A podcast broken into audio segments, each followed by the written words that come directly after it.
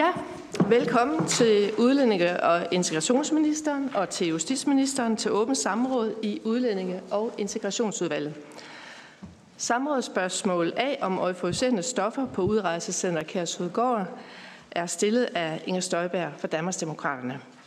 Der er også sat halvanden time til samrådet, og Udlændinge- og Integrationsudvalget har også inviteret retsudvalgets medlemmer til at deltage i dag. Og jeg kan lige høre, om vi har nogle medlemmer med på Teams. Vi har Bettina Kasper med øh, for Danmarksdemokraterne øh, med på Teams derude. Og øh, ja, jeg vælger at give ordet nu til spørgeren for at motivere samrådsspørgsmålet. Ja. Værsgo, Inger Støjberg. Tak for det. Og først og fremmest så vil jeg selvfølgelig gerne takke både justitsministeren og, øh, og udlænding- og integrationsministeren for at stille op til det her øh, samråd. Øhm, og jeg nu, når jeg nu har indkaldt til samrådet i dag, så er det selvfølgelig fordi øh, TV Midt og Vest øh, i øh, august kunne afsløre, at øh, fem beboere på øh, Kærshovedgård helt tilbage i december og januar måned øh, blev varetægtsfængslet i en meget, meget stor øh, narkosag på øh, netop udrejsecentret. Øh, Øhm, de fem øh, tiltalte de blev øh, anholdt, mens de til sammen havde omkring øh, 700.000 kroner i kontanter og, og 8 kilo meget farlig, kriminel, meget farlig narkotika, blandt andet heroin og, og kokain, men også andre former for, for stoffer. Øhm, ifølge TV Midt og Vestes øh, oplysninger omkring øh, den kokain og heroin, der blev, øh, der blev beslaglagt ved den, øh, øh, ved den øh, seance der, der øh, kunne man sige, at det vil mindst kunne indbringe omkring øh, 6 millioner kroner ved salg på gaden. Så vi er altså med en meget, meget stor øh, narkosag at gøre, og jo hvad man må betegne som en narkoring øh, at gøre. Og derfor, så øh, for at sige det lige ud, så er det jo fuldstændig uacceptabelt, at øh, vi kan se kriminalitet af den her art på et øh, udrejsecenter som Kærshovedgård. Vi har jo at gøre med et udrejsecenter, som drives af Kriminalforsorgen, og som er døgnbemandet, og som har videoovervågning. Så der er jo et eller andet rivragruskende ruskende galt. Øh, den her øh, situation, synes jeg, fuldstændig underminerer den øh, tryghed og den tillid, som lokale beboere omkring Kærshovedgård, altså Herning, Ikast, Brande, øh, jo burde kunne have til, øh, til myndighederne, øh, når der er et øh, udrejsecenter som, som på den her øh, måde. Og derfor så øh, kan jeg jo heller ikke helt lade være med øh, at have lidt i baghovedet, om, om det har været lidt bekvemt for regeringen også at, at være ret... Altså, man er ret heldig med, lad mig sige det på den måde, at historien ikke slipper ud, før øh, den gør her i sommer. Altså, vi har med en sag at gøre, der, har, der er over et halvt år gammel, da TV Midt og Vest ligesom kan afsløre det. Øhm, jeg tror roligt, man kan sige, at øh, der er behov for, at der skal gøres mere og andet øh, omkring øh, Kærshovedgård. Øh, og, øh, og jeg mener også han ikke, at øh, det er rimeligt. Det er heller ikke det, øh, beboerne omkring Kærshovedgård, altså naboerne dertil, er blevet lovet, at Kærshovedgård skulle fortsætte på den her måde. De er blevet lovet et tredje udrejsecenter, øh, og øh, det har regeringen aflyst. Det forstår jeg ganske enkelt ikke. Sagen var helt klar, øh, og jeg kan i hvert fald sige, at havde jeg været minister, så var det op at køre på, på Lindholm.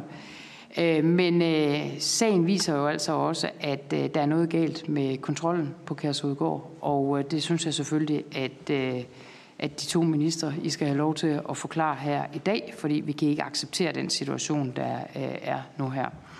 Så jeg ser meget frem til besvarelsen af samrådsspørgsmålet her, og så håber jeg på, at vi får en rigtig god øh, debat om det efterfølgende. Tak til Inger Støjberg, og jeg kan forstå, at det er justitsministeren, der starter med at besvare samrådsspørgsmålet, og dernæst udlænding- og integrationsministeren. Og jeg foreslår, at vi hører begge ministres øh, svar, øh, inden vi tager opfølgende spørgsmål. Værsgo til justitsministeren. Jamen tak for det, og øh, det vil jeg også gerne gøre lige om lidt. Jeg måske også bare lige afklare med formanden. Det er fordi, vi har fået oplyst, at der var en team sat af til, til samrådet, og jeg har punkt 3 på dagsordenen i salen, bare så... Øh, Øh, alle er øh, bevidste om, øh, om det i hvert fald. Ja, øh, det er, så er der sket en fejl i stedsystemet, fordi der er, der er afsat, jeg har blevet oplyst, der er afsat halvanden time, så det beklager vi selvfølgelig rigtig, rigtig meget. I har fået at vide, at der er afsat en time, for det er jo meget unormalt, at der er to ministre inde. Men vi skal selvfølgelig have respekt for ministerernes tid. Det, det kan jo ikke diskuteres. Øh, derfor så er der jo ikke andet for, end vi må øh, finde et nyt tidspunkt, øh, hvor vi kan følge op og at genoptage samrådet, fordi det skal jo gøres øh, til bunds og ordentligt, så også øh, samrådsspørgeren øh, får det, der er forventet. Så det beklager vi selvfølgelig rigtig meget fra, fra sekretariatets side. Der skal en fejl. Det er ikke, fordi det generer mig at være halvanden time. Det er mere, fordi Nej, det er at folketingssalen, der Selvfølgelig, er, er det er på tre. Så det, jeg vil bare lige sige det på forhånd. Ja. Det tænker ja. jeg. Det tænker jeg. Men øh, Godt. Det var da vigtigt lige for men, på plads. Værsgo. Nemlig. Tak for ordet, og tak for spørgsmålet til fru Inger Støjberg. Lad mig starte med at sige, at regeringen tager det meget alvorligt, at der efter det oplyste har været beboere på Kærshovedgård, som har været involveret i narkohandel. Det forhold, at der er rejst en så alvorlig sag, skaber utryghed, både for borgerne i lokalområdet og for de øvrige beboere på udrejsecentret. Som samfund så skal vi ikke acceptere kriminalitet på Kærsudgård. Derfor har politiet også gennem årene ved skiftende regeringer har fokus på at bekæmpe den kriminalitet, der udspringer fra beboerne på udrejsecentret og på at sikre trygheden i lokalområdet. Det vender jeg tilbage til om lidt. Jeg vil starte med at sige lidt om den konkrete sag, der refereres til i samrådsspørgsmålet. Spørgeren henviser til en artikel fra TV2, hvor det blandt andet fremgår, at en række personer med tilknytning til udrejsecenter Kærshovedgård er varetægtsfængslet i en sag om narkotikahandel. Det kan Midt- og Vestjyllands politi bekræfte. Politiet kan derudover oplyse, at i alt fem beboere på Kasseudgård er blevet tiltalt for besiddelse og handel med blandt andet kokain og heroin. To af beboerne blev anholdt og varetægtsfængslet i december 2022, mens tre af beboerne blev anholdt og varetægtsfængslet i januar 2023. Efterforskningen er afsluttet, og der er nu rejst tiltale i sagen. Fire ud af de fem personer er blandt andet tiltalt for at have besiddet og videresolgt kokain og heroin i en samlet mængde på ikke under 4 kilo. Salget af de ulovlige stoffer er efter tiltalen sket i IKAST og Herningområdet i perioden juni 2022 til januar 2023. Midt- og Vestjyllands politi har under efterforskning af sagen beslaglagt både stoffer, telefoner og mere end en halv million kroner i kontanter. Jeg kan oplyse, at sagen er berammet til at starte ved retten i Herning den 15. januar næste år og forventes at vare ni retsdage. Regeringen tager naturligvis ikke let på en sag som den her. Det er alvorligt, hvis der er beboere på Kærshovedgård, som har været i besiddelse af så store mængder hårde stoffer. I forlængelse af det vil jeg gerne sætte på ord på, hvordan det overordnede kriminalitetsbillede rent faktisk ser ud på Kærshovedgård. Rigspolitiet har oplyst, at der ikke generelt, ud over butikstyverier, har været en stigning i den anmeldte kriminalitet i nærområdet til Kærshovedgård efter oprettelsen af udrejsecentret. Når det er sagt, har Midt- og Vestjyllands politi et stort fokus på at bekæmpe netop salg og distribution af narkotika blandt beboere på Kærshovedgård, netop fordi politikredsen har kendskab til, at der forekommer sager herom. Jeg ved, at Midt- og Vestjyllands politi følger nøje med i udviklingen på området, og jeg forventer naturligvis, at politiet er opmærksom på, hvis der ikke er tale om enkeltstående sager, men en mere generel tendens på Kærsudgård. Jeg vil nu sige lidt om politiets generelle indsats for at forebygge kriminalitet og sikre trygheden i nærområdet omkring og på Kærsudgård. For det første har politiet en døgnbemandet vagt i tilknytning til Kærsudgård. Politivagten befinder sig inden for det indhegnede område og har en tryghedsskabende rolle i forhold til både lokalbefolkningen, personalet og beboerne. Derudover har Midt- og Vestjyllands politi oplyst, at politiet siden etableringen af Kærshovedgård har styrket indsatsen og tilstedeværelsen i nærområdet omkring Kærshovedgård. Politiet foretager blandt andet tryghedsskabende patruljeringer i området omkring Kærshovedgård, og det betyder konkret, at en patruljebil tre gange i døgnet patruljerer i området tæt omkring Kærshovedgård, herunder omkring hegnet. Politikredsen vurderer løbende, om der er behov for ekstra patruljering, og om den eventuelt skal intensiveres. Midt- og Vestjyllands politi har herudover siden 2021 styrket politiindsatsen med en mobil politistation, som anvendes ad hoc i hele politikredsen. Det har også gjort politiet mere synligt og tilgængeligt i området ved Kærshovedgård. Politiet samarbejder også direkte med lokalområdet. Politivagten på Kærshovedgård er kontaktperson til borgerne og de erhvervsdrivende i nærområdet. Politivagten følger op på henvendelser fra borgerne og deltager i det forebyggende arbejde i lokalområdet. Jeg ved blandt andet, at politiet ud over deres generelle indsats også flere gange har gennemført razziaer med narkohundenfører på centret og i området omkring centret. Politiet har en videre siden udrejsecentrets opstart i 2016 etableret en netværksgruppe af lokale borgere, det såkaldte Tryghedsambassadørnetværk. Ambassadørerne mødes hver kvartal for at, for at drøfte trygheden for borgerne i området. Politiet sender informationer til netværket mellem møderne, så de er informeret om eventuelle hændelser, der kan give anledning til spørgsmål i lokalsamfundet. Politiet gør således rigtig meget for at sikre trygheden i området ved Kærsudgård. Her til sidst vil jeg gerne gentage, at jeg tager det meget alvorligt, hvis der er begået alvorlig narkotikakriminalitet på og omkring udrejsecenter Kærsudgård. Det skaber utryghed for beboerne i lokalområdet, og det er ikke noget, vi på nogen måde skal acceptere. Og som jeg har redegjort for i dag, så er det også noget, politiet har haft og fortsat har et stort fokus på. Det er ikke politiets umiddelbare opfattelse, at sagen er udtryk for en generel tendens. Det betyder ikke, at sagen ikke er alvorlig, fordi det er den. Den er alvorlig, den er uacceptabel, og de tiltalte kan nu se frem til at blive stillet for retten. Nu vil jeg give ordet videre til udlænding- og integrationsministeren, som vil fortælle nærmere om indsatsen for at få beboerne på Kærshovedgård til at rejse hjem. Tak. Først vil jeg sige, øh, folk, der bor på Kærsudgård, de bor her, fordi de ikke har lov til at være her i landet. Øh, så først og fremmest, så skal de jo rejse hjem. Øh, det er udlænding, som er udvist for dom øh, på tålt ophold, eller afviste asylansøgere, som ikke gider at medvirke til deres udrejse. Og der er nul tolerance over for enhver form for kriminalitet på Kærsudgård og på de øvrige centre. tyder, at alle former for kriminalitet, mistanke om kriminalitet, politianmeldes. Vi har et stort fokus på i Danmark, at de udlændinge, som ikke har lov til at være her i landet, de skal rejse hjem igen. Derfor oprettede vi Hjemrejsestyrelsen i 2020, som centrerede hele hjemrejseindsatsen dengang, eller det i den styrelse, og øh, vi styrkede arbejdet ved at vedtage den hjemrejselov, som giver styrelsen en række værktøjer i arbejdet med at sikre, at udlændinge uden lovlig ophold, de udrejser af Danmark.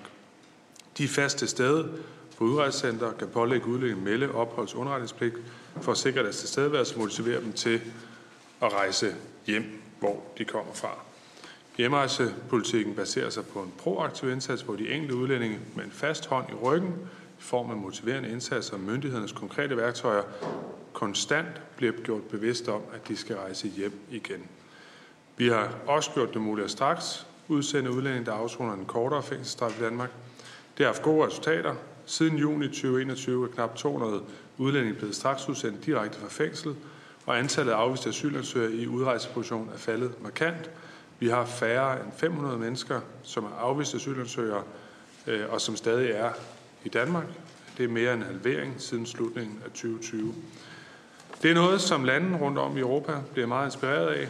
Vi modtager masser af delegationsbesøg, som, hvor folk spørger, jamen, hvordan lykkes I med at sende folk hjem? Og det er selvfølgelig noget, som vi skal fortsætte med, fordi at de problemstillinger, som bliver rejst på det her samråd, såvel som øh, i mange andre samråd, først og fremmest handler om, at der stadig bor nogle mennesker her i landet, som ikke har noget lovligt ophold, øh, og det skal de holde op med. De skal tage hjem øh, til det land, hvor øh, de har øh, hørt hjemme og har opholdsgrundlag.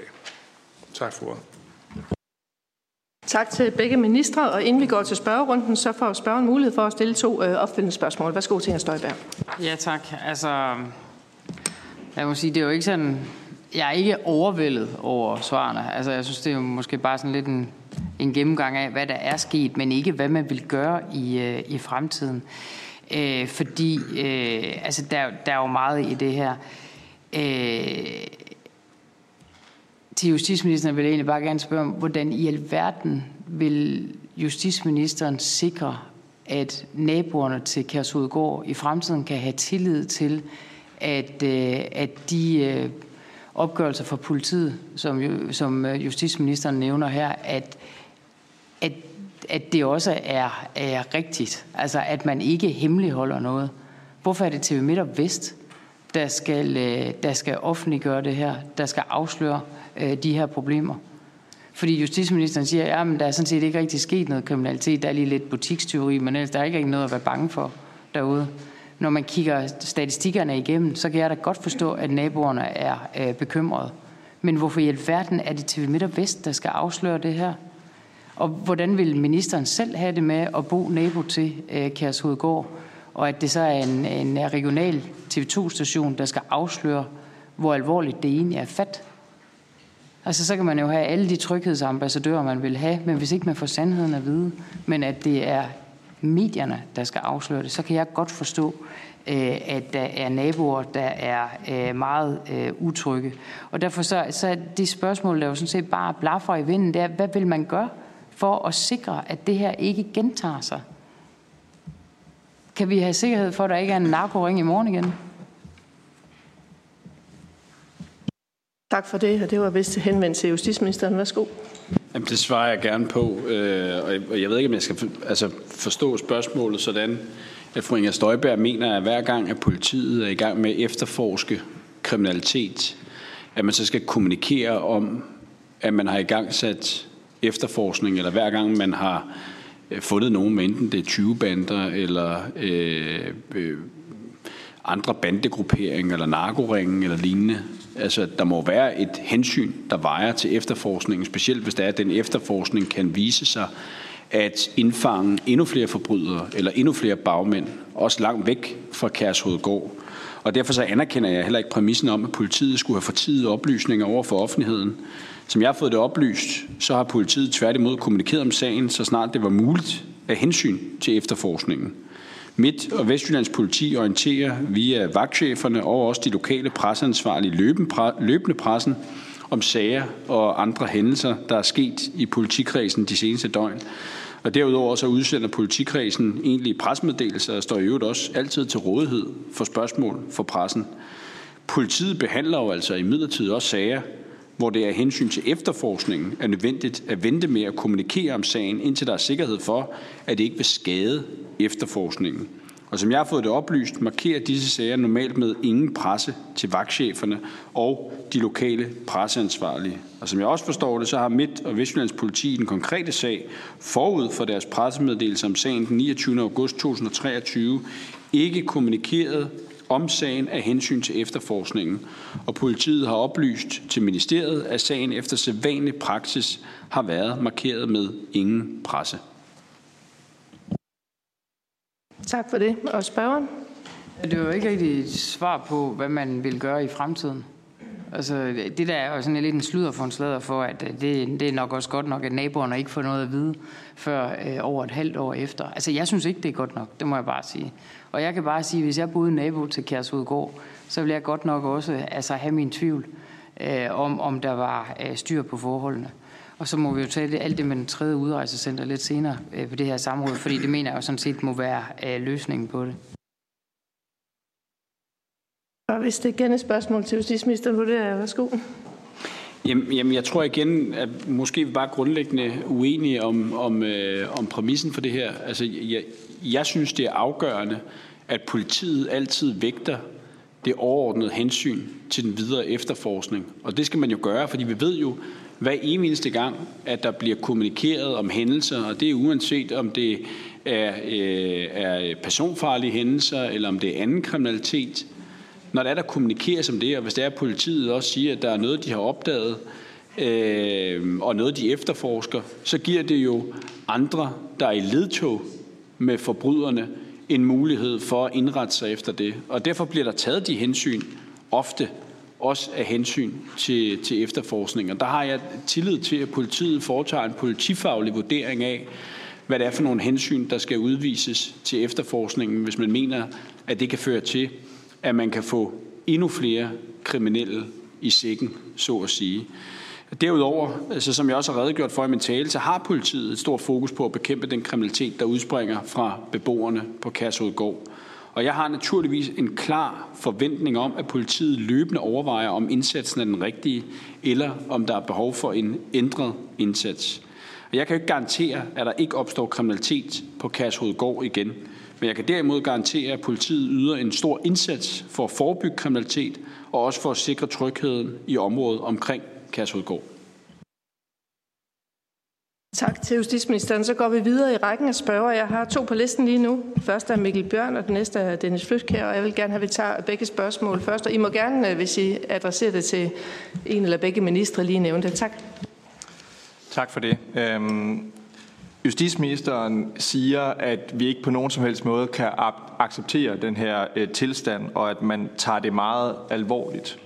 Men man tager det jo til ikke mere alvorligt, end at man accepterer, at udvisningsdømte udlændinge render frit rundt i det danske samfund og bedriver narkokriminalitet, hård narkokriminalitet, for over 6 millioner kroner. Altså, hvis man rent faktisk tog det her alvorligt, så forhindrer man jo de her mennesker i at bevæge sig rundt i det danske samfund. Ministeren siger, at han kan ikke garantere, at der ikke kommer en ny sag om kriminalitet på Kærsudgård. Jo, det kan justitsministeren godt, for han kan bare lukke døren. Han kan sige til de her mennesker, I er velkommen til at forlade landet, men I kan ikke forlade det her udrejsecenter. Fordi det kan ikke være rigtigt, at danskerne skal være tjent med, at kriminelle borgere dømt til udvisning bevæger sig frit rundt i det danske samfund. Synes ministeren ikke, at det var den rigtige vej at gå ned af? Øh, vi giver først ord til justitsministeren. Jeg fornemmer også her, sidemarker her, at, øh, at øh, gerne vil svare. Værsgo til justitsministeren. Jamen, jeg, jeg ved ikke, om det var så meget et spørgsmål til, til mig og til Justitsministeriets ressort, men, men, men helt grundlæggende så er det jo sådan, at vi kan jo ikke frihedsberøve mennesker, med mindre at der er faldet dom over dem, øh, eller med mindre der er grundlag for at frihedsberøve mennesker. Øh, og vi gør, hvad vi kan øh, i den måde, vi har indrettet vores udrejsecenter på, for at sikre, Øh, dels at forholdene heller ikke er bedre, øh, end de er, øh, men dels også, at der er nogle klare rammer for, hvad man må og hvad man ikke må, fordi man er i en situation, hvor man skal forlade landet, som udlænding- og integrationsministeren også sagde før.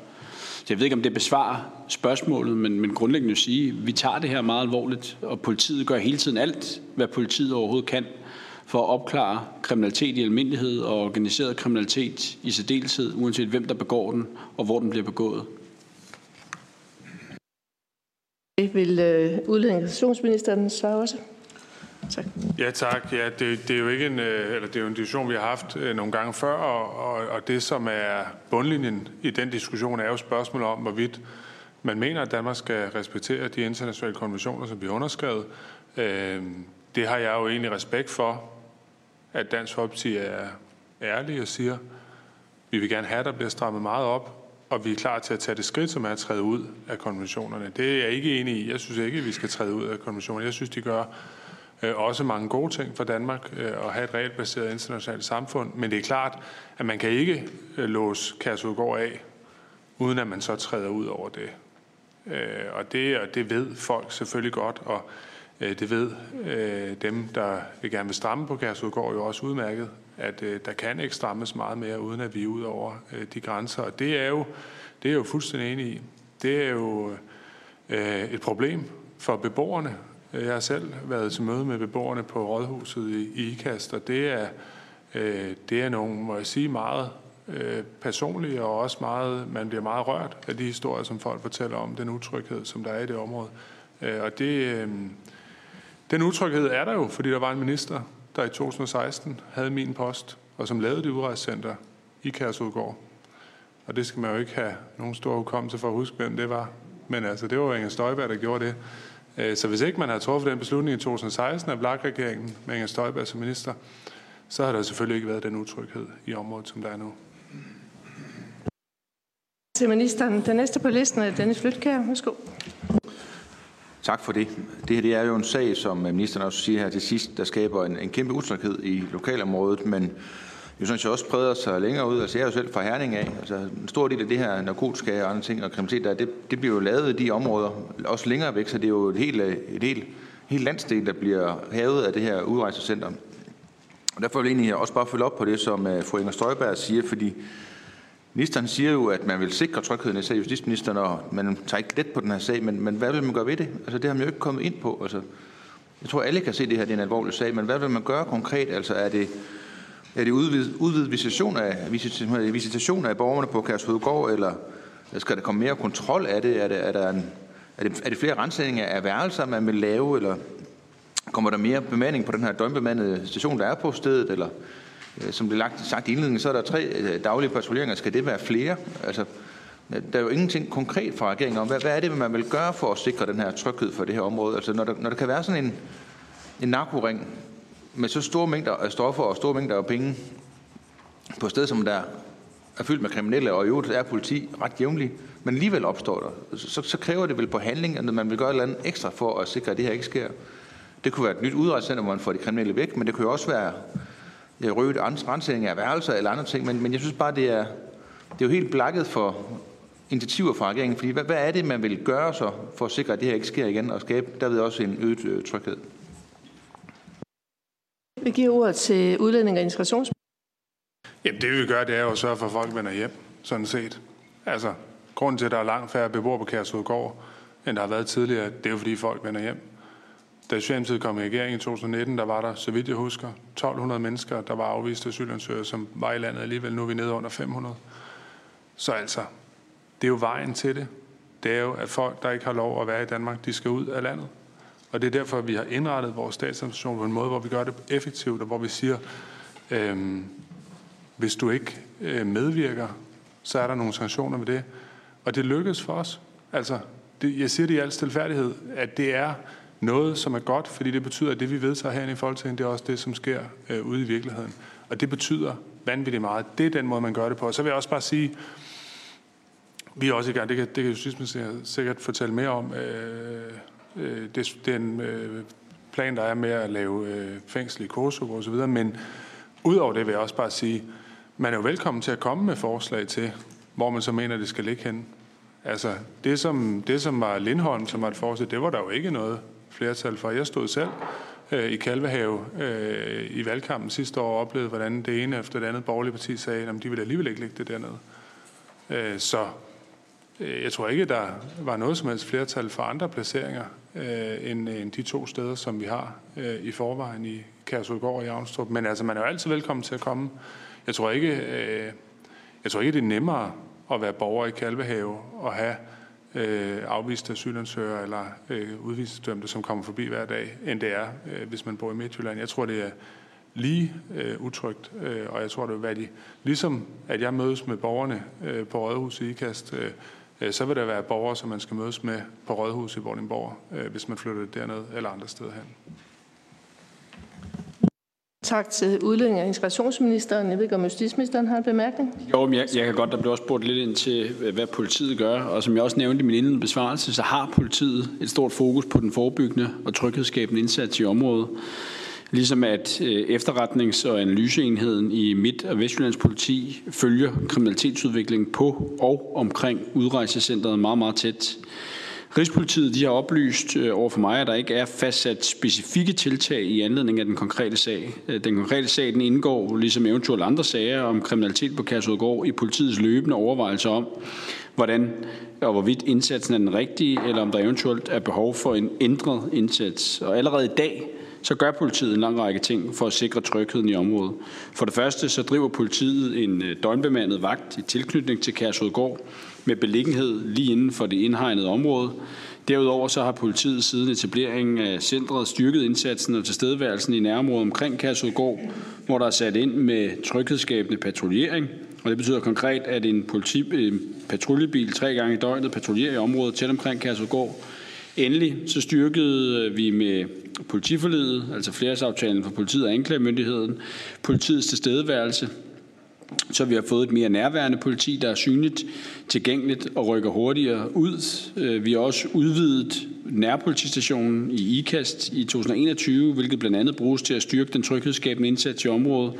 Og jeg ved derudover også, at politiet, ud over deres generelle indsats, også flere gange har gennemført razziaer med narkohundefører på centret og i området omkring centret, og det vil man selvfølgelig blive ved med at gøre. Tak til justitsministeren. Den næste har på listen, det er Mikkel Bjørn. Værsgo. Tak for det. Jeg vil godt følge op på øh, det, øh, justitsministeren sagde før, nemlig det, at vi ikke kan indespære folk, øh, medmindre der, der er faldet dom over dem. Men, men der er jo faktisk faldet dom over de her mennesker. Det er mennesker, der er dømt til udvisning af Danmark. Den del af dommen er stadig ikke eksekveret. Og derfor skal de selvfølgelig ikke have lov til at rende frit rundt blandt menige borgere.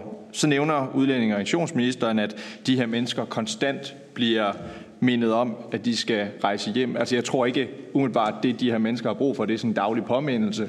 Måske sådan en, en alarmtone på deres telefon eller et brev i postkassen indimellem. Jeg tror ikke, det gør den store forskel. Altså det, der i virkeligheden rykker, det er, at de her mennesker rent faktisk bliver tvunget til at forlade landet. Og det eneste incitament til at tvinge de her mennesker til at forlade landet, det er jo i sidste instans, at der ikke er noget andet alternativ, hvis man ønsker at bevæge sig frit rundt.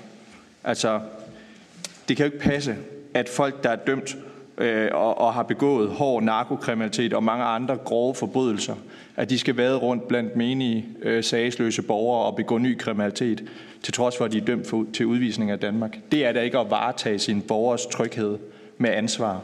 Så jeg vil godt høre justitsministeren igen, om ikke han synes, det var den rigtige vej at gå ned af, og indespærre de her mennesker, indtil de selv vælger at forlade landet. Justitsminister, værsgo.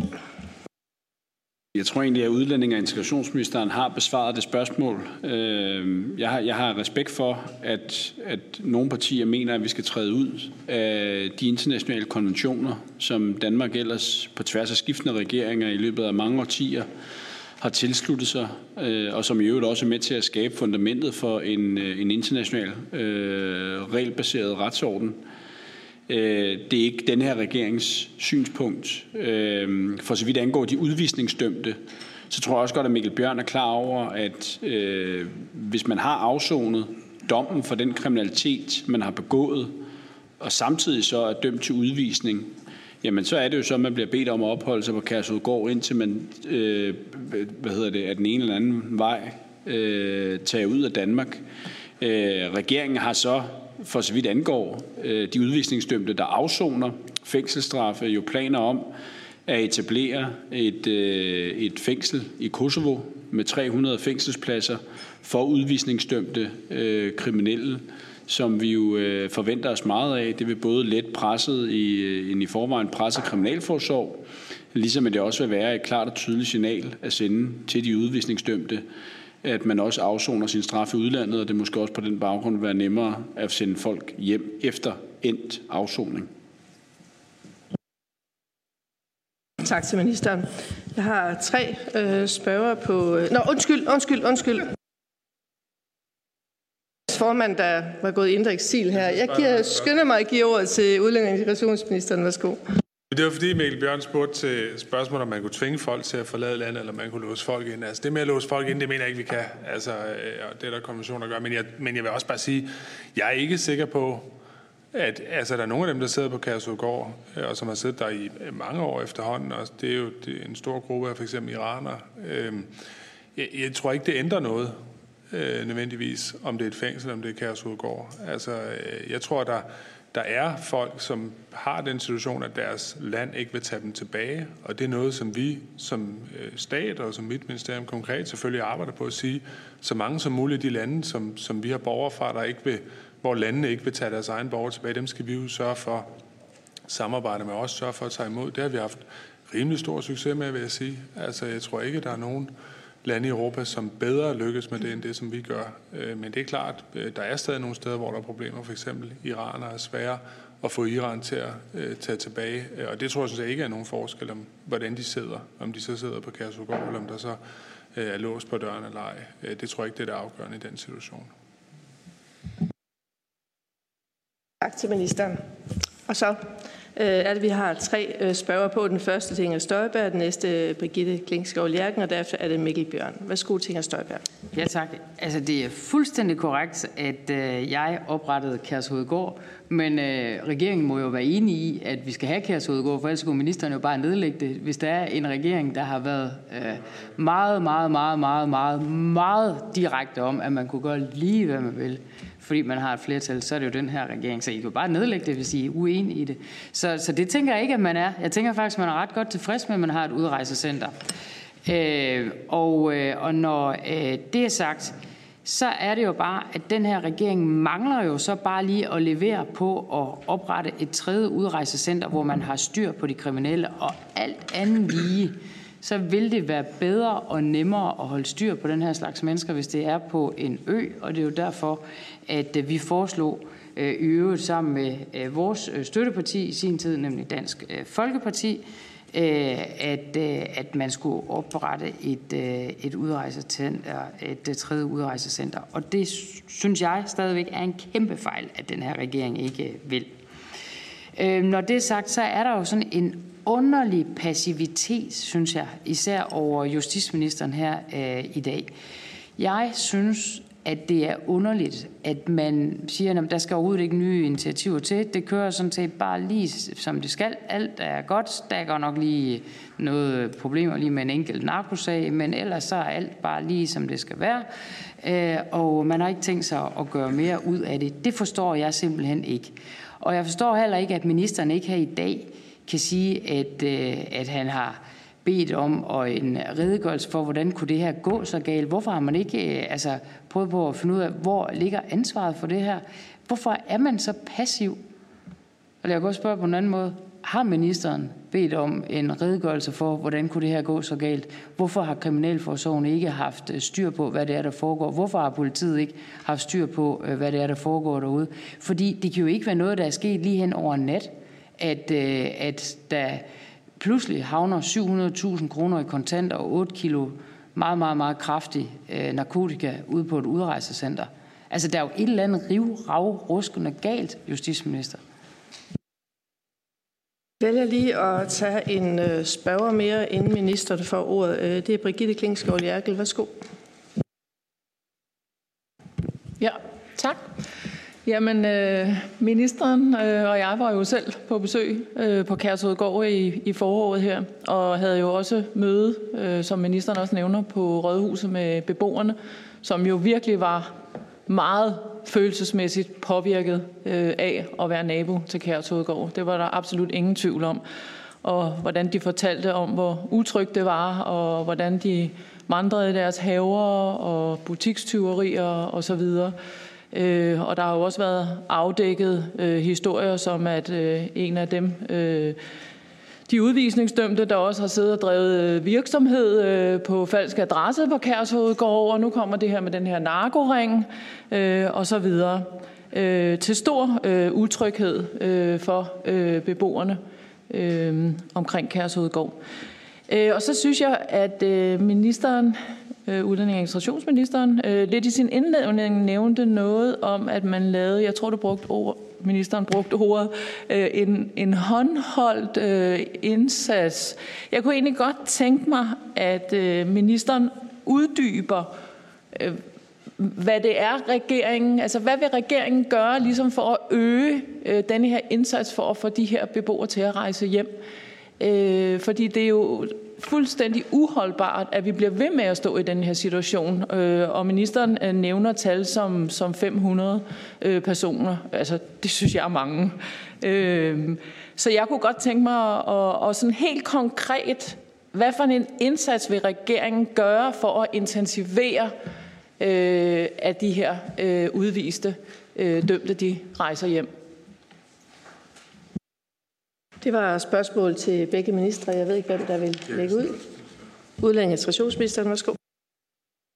Jamen, jeg er da enig Jeg synes også, 500 det er, øh, det er mange. Altså, øh, det er så 40 procent af, altså under halvdelen af, hvad det var, da øh, Socialdemokratiet overtog regeringsbanken i 2019. Så det går trods alt den rigtige vej. Altså, det virker, det vi laver.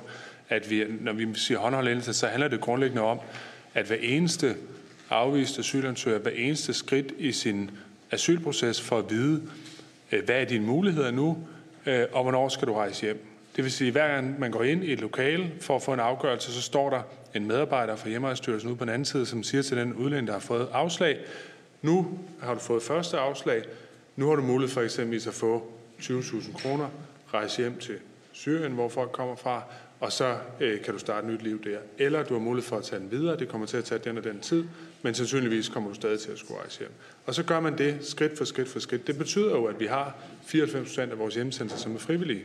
Altså som er nemmere, som, så politiet ikke skal bruge deres ressourcer på at tvinge folk tilbage. Det er der jo nogen, vi bliver nødt til at gøre det med.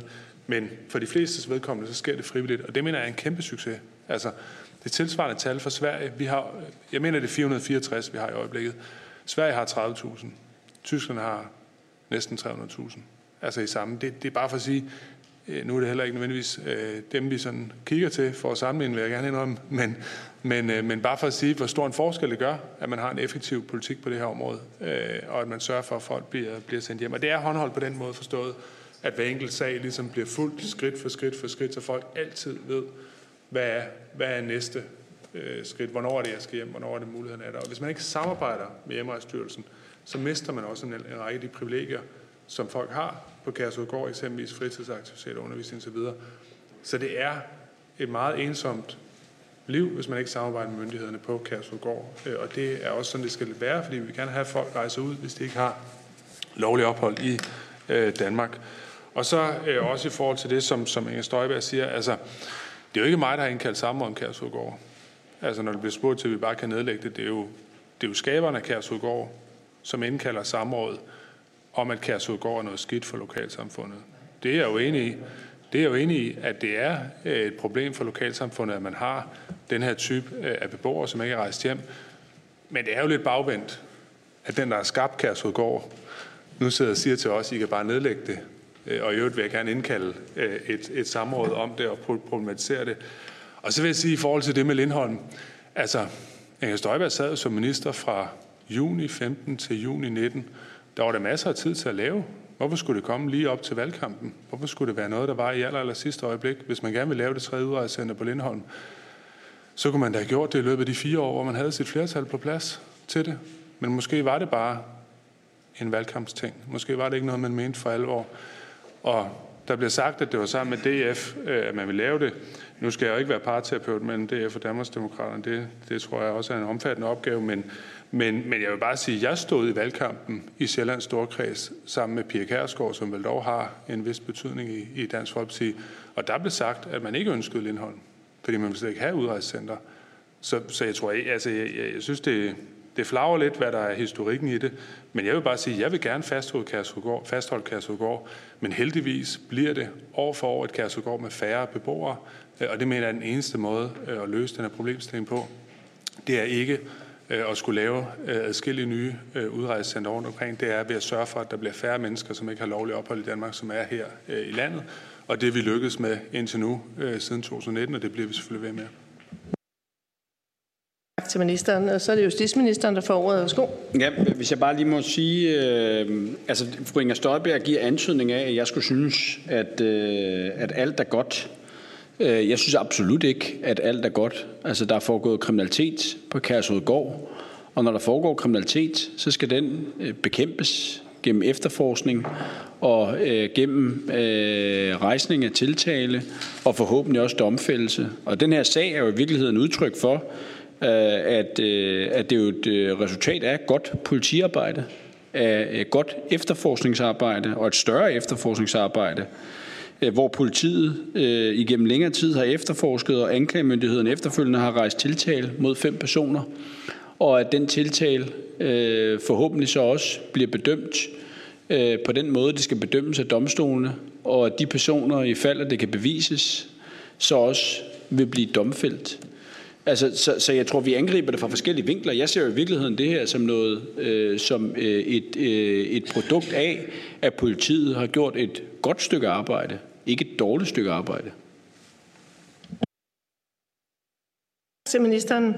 Vi tager lige to øh, spørgsmål, inden ministerne svarer nu. Den første er Mikkel Bjørn, og den næste er Dennis Flytkær. Og jeg skal lige skynde mig at sige, at vi har faktisk lige fået nogle flere med på Teams siden sidst. Vi har Preben Bang Henriksen fra Venstre, og Nanne Godfredsen fra Moderaterne. Men værsgo til Mikkel Bjørn. Tak for det. Øhm, jamen jeg, jeg kan bekræfte udlænding- og integrationsministeren i, at vi i Dansk Folkeparti ikke ser det som løsning at lave adskillige flere udrejsecentre.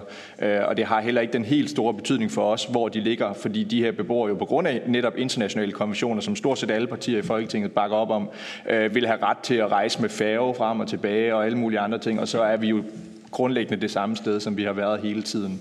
Øh, så den eneste løsning på det her problem er selvfølgelig at sige til de her borgere, I kan ikke forlade det her center, før I forlader landet. Det er vores løsning i Dansk Folkeparti, og det er øh, hvis kun også og muligvis også nye borgerlige, der ser det som øh, den rigtige vej øh, frem. Men jeg vil godt spørge justitsministeren lidt ind til det her med den regelbaserede retsorden, fordi at øh, han understreger, at han synes, det er vigtigt med en regelbaseret retsorden, altså de internationale konventioner, som i det her tilfælde slår en ring om udvisningsdømte kriminelle udlændinge, der har begået hård narkokriminalitet for over 6 millioner kroner. Jeg vil bare spørge justitsministeren, om, om det er det, han kalder en regelbaseret retsorden. At kriminaliteten får lov at, at, at brede sig i det danske samfund af folk, øh, der er dømt til udvisning, fordi at man ikke er villig til at sætte foden ned og forhindre de her borgere, eller de her mennesker, i at bevæge sig rundt blandt sagsløse danskere, til trods for, at de er dømt til udvisning. Næste på listen det er Dennis Lytkær. Værsgo. Tak. Øhm, tilbage i september sidste år, der kom øh, udlænding- og integrationsministeren med et svar til Folketinget, som viste, at øh, i perioden fra 2016 til 2022, der var beboerne på Kærshovedgård blev dømt for over 500 forhold for brud på loven om euforiserende stoffer og salg af, af det samme. For dømt for 70 forhold af salg og smugling af narko. Øh, samme svar stod der også, at der var mange, der var dømt for grov kriminalitet, som blandt andet øh, øh vold. Og det var så op til perioden 22, og efterfølgende er så kommet sag som det her med, med narkoringen. Og grund til, at jeg nævner de her tal, er jo, at jeg forstår på justitsministeren, at man siger, at vi, vi gør jo altså rigtig meget, og politiet gør det jo godt. Men, men de her tal viser jo bare, at man ikke har løst problemet. Og det er derfor, jeg ikke forstår, hvorfor regeringen så ikke bliver mere offensiv. Altså når der kan være så mange domsfældelser i perioden fra 16 til 22, og nu kommer det med navringen så efterfølgende, så, så skriger det så ikke til himlen om, og så skal man jo gøre noget mere. Er det, er det mere patruljering? Er det, er det narkohunden, der skal ind og vende nogle flere gange? Eller er det flere rensagninger? Altså lidt forlængst af det, jeg spurgte om sidste gang. Så, altså, når man kan jo se nu over så mange år, at det fortsætter med at blive ved med at være grov kriminalitet. Og så er der den udfordring også ved, at man har jo blandet folk, der er udviste kriminelle, med folk, som bare kan være almindelige afviste asylansøgere. Og det vi også ved fra blandet fra svaret fra regeringen af, er jo, at, at dem, som ikke var kriminelle før, så bliver det, når de kommer på Kærshovedgård. Og der vil jeg også bare spørge regeringen, altså er det, så tilsiger det ikke ret logisk, og så skal man jo have et nyt udrejsecenter, hvor de kriminelle kan isoleres væk fra dem, som ikke er kriminelle i forvejen. Altså, det, det er jo ikke meningen, at vi skal have folk til at blive mere kriminelle, eller i hvert fald bare blive kriminelle, når de så kommer på Kærshovedgård, fordi det bliver der heller ikke mere tryghedsskabende for hverken lokalområdet eller i Herning og Ikastområdet. Altså man kan jo se på tallene, når det er over 500 domme bare alene på bruden på lov og stoffer, og der er vold og grov kriminalitet oveni, og så narkoring nu, så, så er det jo, altså, det undrer mig ret kraftigt. Hvorfor er det, som ikke synes, at der skal nogle flere tiltag til, end det, der gør i forvejen, og bare sige, at vi roser, det er jo godt, det de gør. Altså, det er jo helt vildt, de her tal. Altså, det, det, er jo, det er jo noget, der fortsætter, det er jo ikke nyt. Så hvorfor er det, der ikke er behov for noget flere tiltag og et nyt udrejsecenter, hvor man kan have de kriminelle isoleret fra de andre? Så begge spørger. Jeg starter med at give ordet til udlænding og integrationsministeren. Værsgo. Ja, i forhold til det sidste øh, spørgsmål, så er jeg jo enig i, at dem, der bor på Kærsudgård, øh, laver alt for meget øh, kriminalitet. Man kan sige, at i forhold til den konkrete sammenhæng, så er, er det jo en vigtig i hvert fald nuance i det, at en del af den kriminalitet bliver begået i andre politikreds. End, øh, altså det er jo i Aarhus og København blandt andet, at, at, øh, at det bliver lavet. Og det er jo også et vilkår, må vi sige, på Kærsudgård med den måde, systemet fungerer på, at vi kan jo se, øh, at der er mange, som øh, formelt bor på Kærsegård, men som også har et liv et andet sted. Altså det, er jo, det kan vi jo se på antallet af måltider, for eksempel, der bliver serveret ved middagstid i forhold til antallet af måltider, der bliver serveret øh, om aftenen. Og det er jo fordi, det er på den måde, vi kan ikke spærre folk ind. Det, vi kan lave de her tjek, men, men folk kan jo, lad os sige et tænkt eksempel, tage afsted om aftenen, køre til Gellerparken, sove der måske med familie, eller hvem man nu bor sammen med, og så køre afsted øh, igen om morgenen. Og det er et vilkår i det system, som er inden for de internationale konventioner, øh, selvom at det selvfølgelig øh, så skaber noget kriminalitet øh, andre steder også end, end bare i lokalområdet. I forhold til Kærsudgårds øh, sådan konkrete, altså adressen derude, øh, så ligger det noget øh, lavere trods alt. Vi har indberetninger i år fra øh, 23 forhold, øh, hvoraf de 16 omhandlede vold eller trusler, fem omhandlede herværk, og så to, som er anden kriminalitet. Så man kan sige, på matriklen er det ikke helt det samme antal, men jeg er enig i, det er jo alt for meget kriminalitet, og den bedste måde at sørge for, øh, at der er mindre kriminalitet, det er jo først og fremmest, at der er færre mennesker, øh, der bor der. Det mener jeg, det, det er løsningen i rigtig mange af de problemstillinger, som vi, øh, som vi diskuterer her. Vil justitsministeren kommentere? Jamen, udlænding- og integrationsministeren har i virkeligheden øh, besvaret øh, for en væsentlig del øh, det, jeg ellers ville sige. Og så vil jeg ellers bare supplere med at sige, at det er jo på mange forskellige fronter, at, øh, at, vi, øh, at vi arbejder. Øh, og hovedmålet er jo, at der skal være færre øh, i en øh, udrejseposition, som ikke rejser ud. Øh, og som jeg nævnte før, vi, vi arbejder på livet løs på en plan sammen med, med Kosovos regering om at etablere et, øh, et fængsel i udlandet, øh, som er målrettet for udvisningsdømte udlændinge. Øh, og en del af, øh, ideen med det, det er jo for det første at skabe noget mere kapacitet i kriminalforsorgen generelt, som lige nu er øh, desværre under meget hårdt pres. Men jo for det andet også ud fra en vurdering af, at det vil være nemmere at etablere en udrejseposition øh, for de udvisningsdømte efter endt afsoning øh, frem for den situation, vi, øh, vi har i dag. Øh, så det vil jo også være et tiltag, som vil forhåbentlig bidrage til at gøre det nemmere at få især udvisningsdømte ud af Danmark efter endt afsoning af fængselsstraf. Tak til begge ministre. Øh, så har jeg Inger Støjberg øh, på listen, og jeg tænker, om vi skal tage, vi kan godt både nå et spørgsmål mere, men ellers så er vi nok på vej til måske afsluttende bemærkninger, så det bestemmer spørgeren selv. Ja, det er godt. Så bestemmer jeg da lidt. Øh, meget lidt. Men øh, altså, bare lige til øh, udlændingeministeren. Jeg kan godt min historik. Altså, fuldstændig. Øh, og jeg kan bare sige, at jeg står ved alt, hvad jeg gjorde som udlændingeminister. Øh, og det er det hele. Øh, det jeg sagde, det var, at hvis ministeren synes, det var så kedelig en arvesag at få Kærsudgård, så kunne ministeren jo bare nedlægge det. Jeg synes ikke, at øh, vi skal nedlægge udrejsecenter. Så, så det jeg egentlig bare prøvede på at sige til ministeren, det var, det kunne jo godt være, at ministeren var rimelig godt tilfreds med at have et udrejsecenter. Øh, og, øh, og at, øh, at så, så det skulle for, sådan set bare forstås sådan, og det tror jeg godt, ministeren vidste. Jeg tror bare, det var lidt en polemisk bemærkning, og det skal der også være plads til. Det, der bekymrer mig, det er i virkeligheden øh, justitsministerens passivitet. Fordi både Dens Dennis Flytkær og jeg selv og andre har spurgt til, hvad vil justitsministeren gøre for, at det her ikke sker igen? Og så svarer justitsministeren med, at det er godt politiarbejde, at det er blevet opklaret. Altså, det er jo ikke det, vi spørger til. Vi spørger til, hvordan kan man sikre, at sådan noget her ikke sker igen. Dennis Flytkær var oven i købet inde på en masse altså, idéer til, hvad man kunne gøre ved det. Altså, er det flere rensagerne? Er det, er det mere politi? Er det, altså, hvad er det, det er, man vil gøre? Og det er jo sådan set det, vi spørger om, fordi vores interesse i det, det er at fremtidssikre, at det her ikke sker igen, fordi vi kan ikke være det her bekendt over for naboerne. Jeg synes, at man skulle have et tredje udrejsecenter. Men jeg synes også, man skal gøre noget mere på Kærshovedgård. Øh, og det er det, vi spørger justitsministeren til. Og derfor så bekymrer det mig ærligt talt ret meget, at justitsministeren sidder med sådan en, synes jeg, ærligt talt passiv tilgang til det, og bare siger, om det er jo dygtigt politiarbejde. Ja, det er dygtigt politiarbejde, men det svarer bare ikke på, hvad vi vil gøre i fremtiden.